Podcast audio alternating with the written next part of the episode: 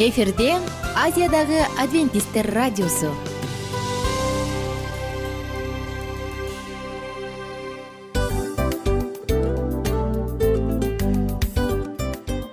Достор салют. Баардык сүйүктүү угармандарыбызга салам айтабыз. Кутман күнүңүздөр менен. Ден соолук өмүрдүн булагы демекчи саламат саамы программасында баарыңыздарды көргөнүбүзгө абдан кубанычтабыз. Анда алгач амандашып өтөлү арбаңыздар деп. Ден соолугуңуздар кандай элибизде көбүнчө ден соолук кандай дегенде эле жакшы деп жооп беребиз э? ооруп турсак дагы жакшы дейбиз. Анан мен муну айтып ойлойт элем бул абдан сонун сөз депчи анткени бул жакшы деген үмүт да э ооба баары жакшы болот. Баары сонун. Деп үмүттөнүп атып эле өзүбүздү өзүбүз дарылап коебуз. Анысы кандай? Сиздин дагы ден соолугуңуз жакшы беш деген үмүттөбүз чындыгында ден соолук бул өмүрдүн булагы деп бекеринен айтылган эмес деп ойлойм. Кыргыз элинде анткени эгерде ден соолук жок болсо анда адамдын жашоосунда калган баардык керектүү маңыздуу нерселер өзүнүн баалуулугун жоготуп коет. Ошондуктан ден соолук бул эң керектүү нерсе. Ооба туура айтасың кесиптешим чынында ден соолугуң жок бир эки үч күн ооруп калсаң эле кандай болуп калат? Жашоодо көз каранды болуп каласың көп нерсеге жетишпей каласың көп нерсени кыла албай каласың жада калса эшикке дүкөнгө да чыга албай каласың. Туптуура анан ден соолук болсо демек биз биздин бактыбыз тотой деп койсок болот. Анда достор саламат саамы рубрикабызды баштайлы. Алдыда өзүңүзгө керектүү болгон сонун кеңештерди уга аласыздар. Мына ошондуктан биз менен бирге болуңуздар. Ал эми биз болсо милан жана айнура. Кеттик алга. Алга саламат саама ден соолуктун жарчысы. Саламат саама ден соолуктун ачкычы. Күн сайын сиз үчүн мыкты кеңештер сонун жаңылыктар кызыктуу фактылар. Биздин рубрикада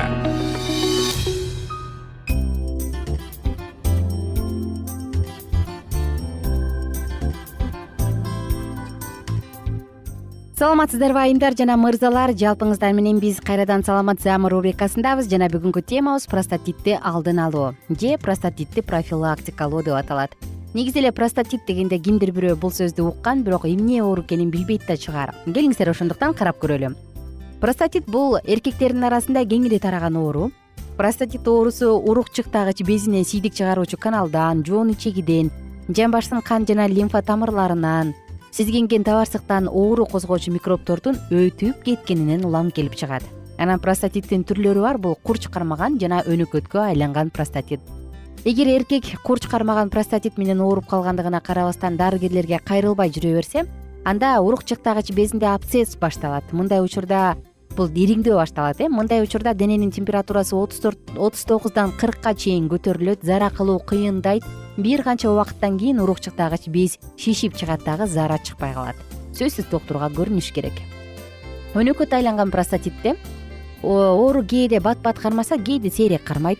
Мындай учурда көпчүлүк эркектер дарыгерге кайрылуунун ордуна үйүндө отуруп өз алдынча дарыланууну артык көрүшөт оорунун белгилери болуп жука чурайдын бел көчүктүн эки жумуртканын уюп оорутуусу саналат. Простатит менен ооруган эркектерде көбүнчө жыныстык жактан жугуучу оору козгогоч микроб түрлөрү хламидия гонокок же трихоминаз сыяктуу табылат экен. Простатитке кабылган эркек дарыгерге кайрылбаса сезгенүү андан ары жайылат. Эгер сийдик чыгаруучу канал аркылуу жайылса анда циститке аба пиоленефритке алып келет. Жыйынтыгында уруктуктун сапаты начарлайт дагы тукумсуздук келип чыгат. Мындай учурда дарылоо өтө узакка созулат экен. Дене сууга чалдыкса аз кыймылдуу болсо узакка чейин жыныстык катнашта болбосо дамамат ич катуу денедеги иммунитет начарлашы сезгенүү жыныстык жактан жугуучу жана урологиялык оорулар мына булардын баардыгы простатитке алып келет. Анда эмесе эмне кылыш керек? Өзгөчө жогоруда айта кеткендей зара чыгаруу кыйындап калат дебедикпи дал ушундай зара чыгаруу кыйындап турса анда зара чыгарууну кантип жеңилдетсе болот? Келиңиздер бир нече кеңеш карай кетели кандай гана болбосун зара чыгарууну кыйындап калган учурда же болбосо зараны тез тез чуркап дааратканага чуркап чыгарып калган учурда төмөнкү кеңештерди эске салыңыз. Биринчиси эле регулярдуу бирок коопсуз сексуалдык мамиледе катнашта болуңуздар. Бул сизге жакшы жардам берет сезгенген простаталарды төмөндөткөнгө кичирейткенге жардам берет. Кийинки кезекте кофеин жана кофе сыяктуу кофеин камтылган баардык суусундуктардын баардыгын жокко чыгарыңыз. Таптакыр ичпей коюңуз же колдон келишинче жокко чыгарыңыз. Маани бербейбиз э бирок кофени аябай жакшы көрүп ичебиз го өзгөчө отуруп иштеген жумушта ии дейбиз үчүнчү кезекте алкоголдук ичимдиктердин баардыгын тең жокко чыгарыңыз. Анткени алардын эффективдүүлүгү кофеин сыяктуу эле. Төртүнчү. Ачуу приправалардын баардыгын колдонуудан баш тартыңыз. Анткени алардын баардыгы тең зара чыгаруучу тракттардын баардыгын кыжырдантат дагы зара чыгарууну сөзсүз түрдө оорутуп коет. Ошондуктан ачуу приправалардан баш тартыңыз. Кийинкиси антигистаминдик препараттарды жана мурун бүтүп калган учурда мурунга тамызат эмеспизби дал ушундай капелькаларды тамызуучу дарылардын баардыгын жок кылыңыз. Аларды колдонбоңуз анткени булардын баардыгы табарсыктын булчуңдарын бошоңдотот. Демек албетте мында зара чыгарууда көйгөйлөр жаралат. Кийинкиси муздактан качыңыз. Муздак бутуңуздун муздап калышынан үшүктөн деги эле муздактан качыңыз. Ошондой эле простатага басым жасоочу вибрация жасоочу вибрацияны пайда кылуучу кандайдыр бир жагдайлардан качыңыз. Мүмкүн сиз ат минип бараткан учурда же велосипед тээп баратканда вибрацияны байкайбыз э дирилдейт эмеспи. Мына ушундай вибрациялардан качыңыз. Анда мындай учурда простатада чоң бир көйгөйлөр дагы жаралат жана ошондой эле запор ич катуудан качыңыз стресстен качыңыз алар дагы зара чыгаруунун рефлексине таасир берет ошондой эле колдон келишинче ползучая сценария африканская слива деп коет экен. Мына дал ушул сыяктуу э, дары өсүмдүктөрүн колдонгонго аракет кылыңыз. Булардын баардыгы сизге ден соолугуңузга сөзсүз жардам берет. Жана достор кайрадан кайткым келип турат. Эмне себептен адам э, дал ушул э, простатит оорусуна кабылып калышы мүмкүн? Дененин суукка чалдыгуусу аз кыймылдуулук мырзалар аз кыймылдуулук байкадыңыздарбы? Ошондуктан күнүнө жок дегенде отуз кырк мүнөт активдүү кыймылдап коюңуз. Кыймыл дегенде эле биз эптеп кыймылдаган эмес бул дененин ар бир булчуңу кыймылдалып анан тердегенде болуш керек. Узакка чейин жыныстык катнашта болбой жүрө берсе дагы болот экен. Дамамат ич катуу денедеги иммунитеттин начарлашы сезгенүүдөн келип чыккан оорулар жыныстык жактан жугуучу жана урологиялык оорулар мына булардын баардыгы тең. Простатитке алып келүүчү себептер анан простатитти физиотерапия ийне саюу дары ичирүү жана башка ар кандай ыкмалар менен дарылашат. Бул салттуу медицинада простатитте комплекстүү дарылоо кажет. Эгерде дарылоого сунуш кылынган ыкмалардын бири колдонулбай калса анда айыгууга мүмкүн болбой калат. Ошондуктан ооруган эркек айыгам десе врачтын көрсөтмөсүн толугу менен сакташы керек достор мынакей биздин бүгүнкү темабыз ушул жөнүндө болду. Алдыңкы уктурууларда простатиттин рак оорусун кантип алдын алыш керек кандай азык түлүктөрдү жеш керек эмне кылыш керек мына ушул жөнүндө сөз болмокчу. Ошондуктан биз менен бирге болуңуздар. Жана кызыктын баардыгы алдыда деп дагы бир жолу айткым келет. Достор баарыбызга белгилүү болгондой эркектин эң эле негизги урологиялык ооруларынын катарына кирген ушул простатит э. Простатит табарсак алдында жайгашкан без бул без формасы боюнча жүрөк сымал келип жүрөктүн формасына окшош анан простата безине суу өтсө же кандайдыр бир жолдор менен жабыр тартса ал сезгенип калат.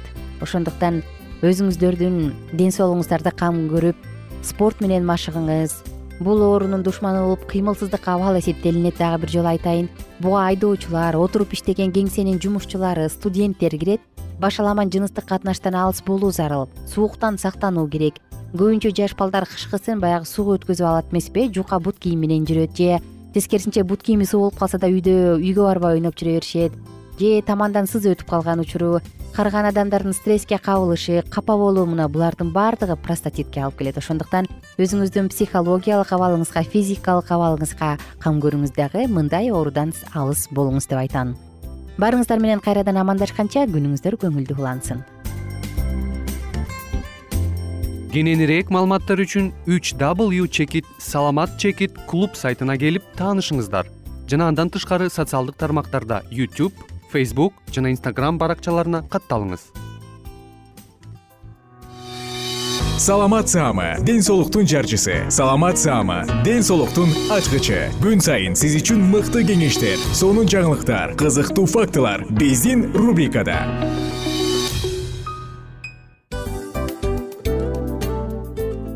салам достор. Кайрадан биздин сүйүктүү рубрикабызга кош келиңиздер деп айтмакчыбыз. Баардык замандаштарыбызга арбаңыздар деп саламыбызды айтабыз. Улуу ушундай бир урматтаган учурашуу менен анан дил маек радио баракчабызга чакырабыз. Негизи дил маек биздин рубрикабызда эмне жөнүндө кеп кылабыз? Бул дил маектин мааниси эмнеде? Рубрикабыз менен кичине тааныштырып кетсеңиз. Сөзсүз түрдө тааныштыра кетейин. Кесиптешим суранычы боюнча бул учурда бул радио баракчада биз ар тарап кесип ээлеринен сонун кеңештерди алабыз сүйлөшөбүз сырдашабыз.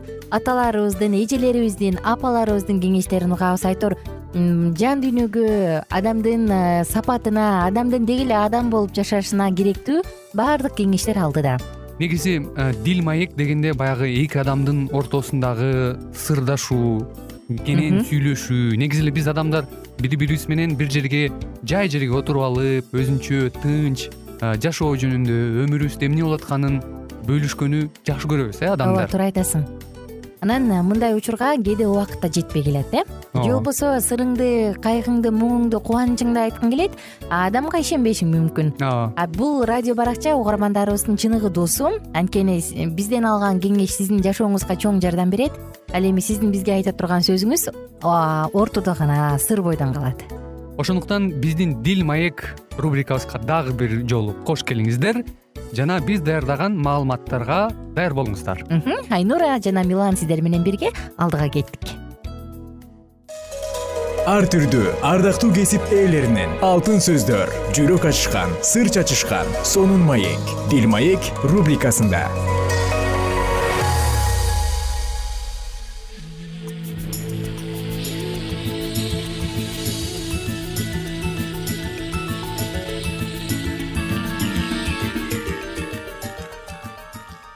амансыздарбы ардактуу радио угармандарыбыз кайрадан эле биз сиздер менен кыргыз элинин каада салт үрп адаттары туурасындагы уктуруубузду баштамакчыбыз. Бүгүнкү программабыздын чыгарылышында биз кыргыз элинин тамактануу маданияты туурасында кеп кылмакчыбыз. Андыктан дал ушул мүнөттөрдө биздин ободон алыстабай биз менен биргеликте болуңуз. Саламатсыңарбы кыргыз элинин тамактануу маданияты кыргыздар бир күндө бир нече жолу тамак жеп келишкен. Үйгө киргенде эшик ачылып эң мурун аксакалдар жаштарына карап кирген. Отурууда да төргө аксакалдар отурган. Жаштар төмөн отурган. Кыргыздар конокко кой соеордо жетелеп кыбыланы каратып конокторго бата кылдырып мууздайт. Мал соя албаган жигит эт турай албаган бычаксыз камчысыз жигиттерди жаман көрүшкөн. Этти казанга салып абдан бышырып чыгарганда үй ээсине куйруктан кесилип ооз тийгизилет. Шыйрак бөйрөктөрдү эшиктен кирген балдар алат. Этти табактарга бөлүп салып аксакалдап тартылат. Куйрук куймулчак жамбаш аксакал табактарга салынып эң улуу аксакалга тартылат. Бир жамбаш менен баш экинчи аксакалга тартылат. Жото жилик үчүнчү аксакалга далы кар жилик андан кийин тартылат өпкө боор жумур ичеги карындар моюн күң жилик конокко тартылбайт. Боор тез бышат. Аны бышаары менен кесип конокторго кыдырата сунулат. Конокко эт тартканда бир киши колуна чылапчын кумган алып коноктордун колдоруна суу куюп. Суу жоолук берилет. Колдорун жууп бүткөндө бай бол тилегиңе жет өмүрүң узун болсун деп абышкалар бата беришет. Дасторкондор салынып этти тартылат. Коноктор колдорун салып устукандарды аксакалдаштырып алынат. Ошондуктан эзелтеден ата бабаларыбыз тамактануу маданиятына дагы өзгөчө олуттуу көңүл буруп келишкен десек дагы жаңылышпайбыз. Ошондой эле устукан тартылуу маданиятында дагы бир нече эрежелер бар. Мисалга айтсак аларга булар кирет. Устуканды колуна алган кээ бир коноктор бир аз эле мүлжүп ооз тийген соң төмөндө табак тартылбай отурган от жаккан кызматчылар же эшиктеги кыз келиндерге балдарга ошол өзүнүн устуканын бүт бойдон жеп албастан аларды дагы эске алып эшиктеги кыз келиндерге бала бакырага кыскасы казан аякчыларга бергиле деп өзүнүн жеген жилигинен бөлүшүп келген. Ал эми койдун башын мүлжүгөн адам эң алгач эле кулагын кезип кичинекей ойноп жүргөн чыт курсак балдарга дагы уруулогон эт тартылып чык куюлуп аралаштырылган соң улуулата баштап беш бармакка кол салынган. Ошентип төмөндө отургандарга беш бармак айланта сунулган. Ал эми табакка түп калтырып аны келин кыз келиндер жейт деп кол айланта сорпо сулунуп ичилип келинген. Мына ошентип кыргыз элинин тамактануу маданияты өзгөчө десек дагы болот андан сырткары эң төмөн жактагы бир киши же үй ээси же анын балдарынан бирөө ордунан тура калып оомин айтып эки колун жайып бата кылып андан кийин колго суу куюлат. Эшикке чыгаарда төмөн отурган жаштар жол бошотуп мурун чыгып артында аксакалдар чыгат. Кыргыздар кандай киши болбосун үйгө кирген кишиге даам бермейинче чыгарбайт жайдын күндөрүндө эшикке атчан келгенде үйдөн алып чыгып суусун беришет. Аш тойлордо жылкынын учасын ар бир уруктан келген аксакал көп жашаган абышкалардын эң аксакалына тартылган. Мээли кандай болбосун анысына каралбаган. Айылдагы үйлөргө да мүчө жиберилген ошентип кыргыз элинде эзелтеден аксакалдарга өзгөчө сый урмат мамиле кылып аларды аздектеп келишкен десек дагы болот. Ошондой эле кыргыз элинин дагы бир өзгөчө тамактануудагы маданиятынын бир түрү бул кымыз ичүүдөгү адаттар туурасында дагы айтып өтмөкчүбүз. Кымыз ичүүдөгү адаттар. Бээ байланып кымыз ачытылган үйлөргө эртең менен айылдагы эркек аял балдар баардыгы кирип олтурган. Үй ээси аял туруп кымызды бышып аяктарын жууп кымызды куюп бир киши отурганда бир баштан суна баштап бир эле жолу эмес бир нече чыны сунуп ичирет. Кирген кишилер кымызга тоймоюнча чыгуу болбойт. Эгер кирген кишилерге кымыз аз болуп тойбой калса анда чоң намыс болот. Ал үй берекесиз болуп эсептелинет. Кирген кишилер кымызга тоюп бүткөндөн кийин бата кылып тарашкан кыргыздар бир күндө эң болбогондо алты жети ирет тамак иче берет. Кыргыздар тез тез орун которуп көчүп турууну сүйгөн. Мына ошентип жогоруда кесиптешим сиздерге кымыз ичүүнүн дагы өзгөчө маданияты туурасында дагы айтып өттү. Ал эми эзелтеден ата бабаларыбыз тамактануу маданиятынан сырткары дагы кыргыз эли малкиңдиктүү болгондуктан тоо таштарга кокту колотторго көчүп жүрүшкөн бул нерсе журт которуу деп дагы аталат анда эмесе дал ушул журт которуу туурасында дагы айтып өтөлү журт которууда жүк жүктөлгөн төөлөргө жүктүн үстүнөн калы килемдерди жаап ук уштук төө моюн төөнүн буйлаларына шуурудан тизип жүктүн үстүнө каркыралар салынып төө жетелеген кыз келиндердин ат тондору эр токумдары да абдан жасалгаланган болот. Төөлөрдүн моюндарына жеке сан чоң коңгуроо кыздардын артынан моюндарына коңгуроолор тагылган. Үп кыргызда чоң бийлер байлардын жыйган кеп асыл буюмдары үп деп айтылган. Үптөрдү ороп койгон ороочулар бөкчө деп айтылган бир жүз койго же кырк байталга сатып алынган алтын күрөйөккө тондор килемдер дейилде кымгап шөкүлөлөр жамбы дилделер бермет шуурулар башайы шайы торгун тубар дүрдүн буулум тондор болгон. Андан тышкары жазында жааган биринчи жамгыр өзгөчө мааниге ээ болгон. Мында сүйүнбөгөн адам аз болот жаш балдар жамгырга башын тосуп чакага таш салып алып боз үйдү үч айланып чуркап шылдыратып дымбыр таш деп кыйкырат. Жер айрылып чөп чык желин айрылып сүт чык желеге кулун байланып сабадан жыт чык деп кыйкырып келишкен. Мындан сырткары дагы кыргыз эли алгачкы жаздын күнүндө жамгыр жаар алдында мына мындай тилектерди ыр саптар менен айтып келишкен. Собоолоп чокмор алып келбей элим журтум тынч чык жер айрылып чөп чык желин айрылып сүт чык баласыздар көз жарып ыңаалаган үн чык ардактуу радио көгөрмандар уктурууга көңүл бурганыңыз үчүн ыраазычылык билгизебиз. Ушуну менен бизге бөлүнгөн убакыт өз соңуна келип жетти. Сак саламатта болуңуз. Ар түрдүү ардактуу кесип ээлеринен алтын сөздөр жүрөк ачышкан сыр чачышкан сонун маек дил маек рубрикасында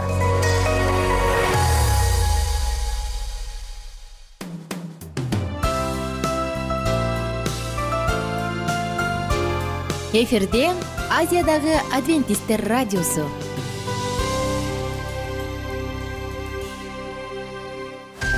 Жан дүйнөңдү байыткан жүрөгүңдү азыктанткан жашооңо маңыз тартуулаган жан азык рубрикасы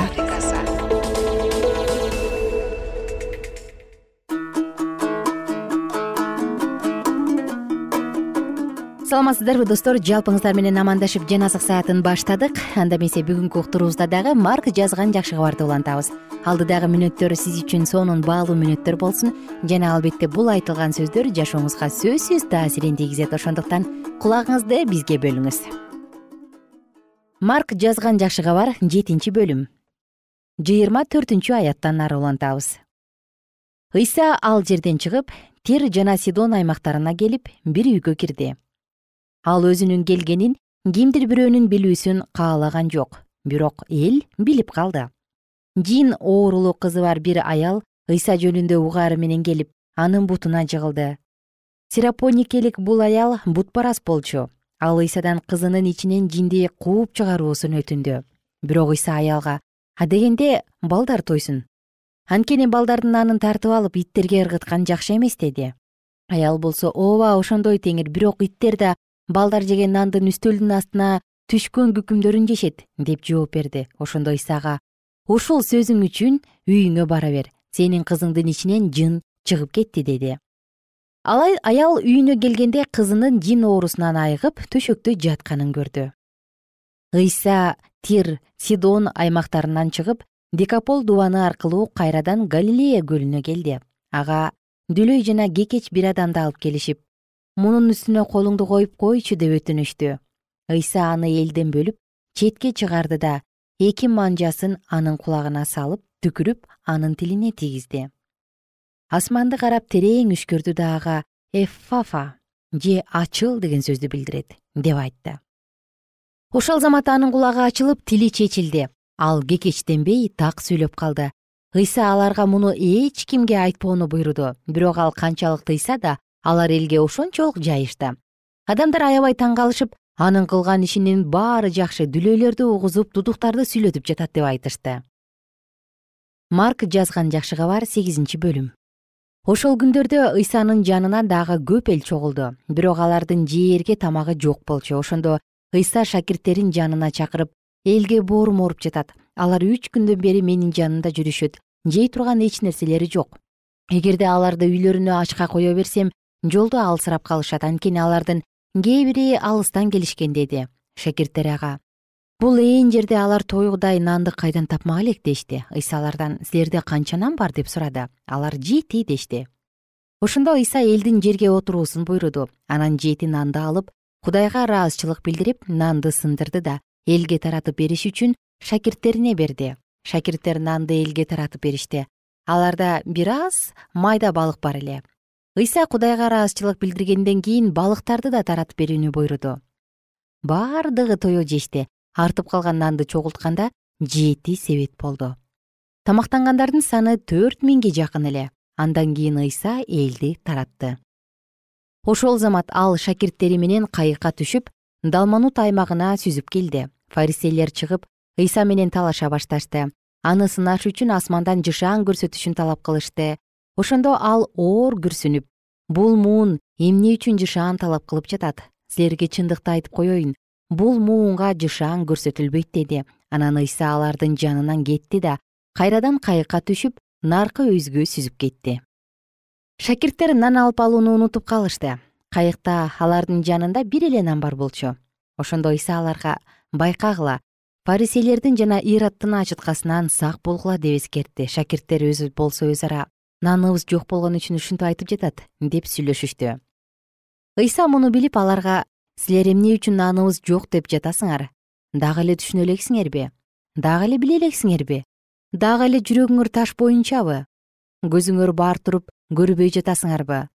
Кулагыңар бар туруп укпай жатасыңарбы? Эмне эсиңерде жокпу? Мен беш нанды беш миң адамга бөлүп бергенимден кийин артып калган нанды чогултканыңарда канча себет болду эле деди алар ага он эки дешти ал эми жети нанды төрт миң адамга бөлүп бергенимден кийин артып калган нанды чогултканыңарда канча себет болду эле? Жети дешти ошондо ыйса аларга кантип түшүнбөйсүңөр? деди. Алар бетсаидага келишкенде ыйсанын алдына бир сокур кишини алып келишип буга колуңду тийгизип кой деп өтүнүштү. Ыйса сокурду колунан жетелеп кыштактын сыртына чыгарды да анын көзүнө түкүрүп үстүнө колдорун коюп бир нерсе көрүп жатасыңбы? деп сурады ал айланасын карап дарактарга окшогон ары бери өткөн кишилерди көрүп жатам деди. Ошондон кийин ыйса анын көздөрүнө кайрадан колдорун тийгизип ага айланасын кароону буйруду. Сокур адам айыгып бардыгын ачык көрө баштады. Анан ыйса ага кыштакка кирбе муну эч кимге айтпа деп аны үйүнө жөнөттү.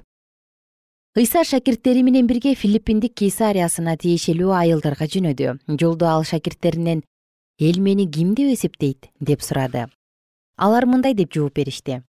Бирөөлөр чөмүлдүрүүчү жакан деп бирөөлөр ильяс пайгамбар деп дагы бирөөлөр мурунку пайгамбарлардын бири деп эсептешет. Ошондо ыйса алардан ал эми силер мени ким деп эсептейсиңер? деп сурады. Петир ага сен машаяксың деп жооп берди. Ошондо ыйса аларга өзү жөнүндө эч кимге айтпоону эскертти анан ыйса шакирттерине адам уулу көп азап чегиши. Аксакалдар ыйык кызмат кылуучулар мыйзам окутуучулар тарабынан четке кагылышы өлтүрүлүшү жана үчүнчү күнү тирилиши керек деп түшүндүрө баштады. Ыйса бул жөнүндө аларга ачык эле айтты. Ошондо петир ыйсаны четке чакырып ага каршы болду. Бирок ыйса шакирттерине бурулуп петирге кет жанымдан шайтан! Анткени сенин ойлоруң кудайдыкын эмес адамдын ойлору деп тыюу салды ошондон кийин ыйса эл менен бирге шакирттерин да жанына чакырып мындай деди. Ким менин артымдан жүргүсү келсе ал өзүнөн баш тартсын жана күн сайын өзүнүн айкаш жыгачын алып менин артымдан ээрчисин ким өз жанын сактап калгысы келсе ал андан түбөлүккө ажырайт. Ал эми ким мен үчүн жана жакшы кабар үчүн өз жанынан ажыраса ал аны сактап калат.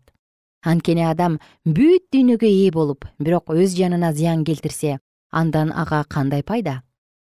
Же адам өз жанын куткарып алуу үчүн кандай кун төлөй алат?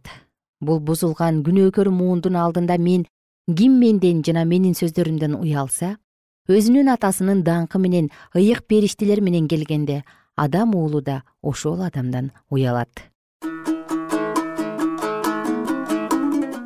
достор биз сиздер менен кийинки уктурууда амандашабыз. Кайрадан саламдашканча эгер сиздерде суроолор болсо же көбүрөөк маалымат билем десеңиз анда биздин whatsapp номерибизге жазыңыз. Плюс бир үч жүз бир жети жүз алтымыш алтымыш жетимиш. Кайрадан плюс бир үч жүз бир жети жүз алтымыш алтымыш жетимиш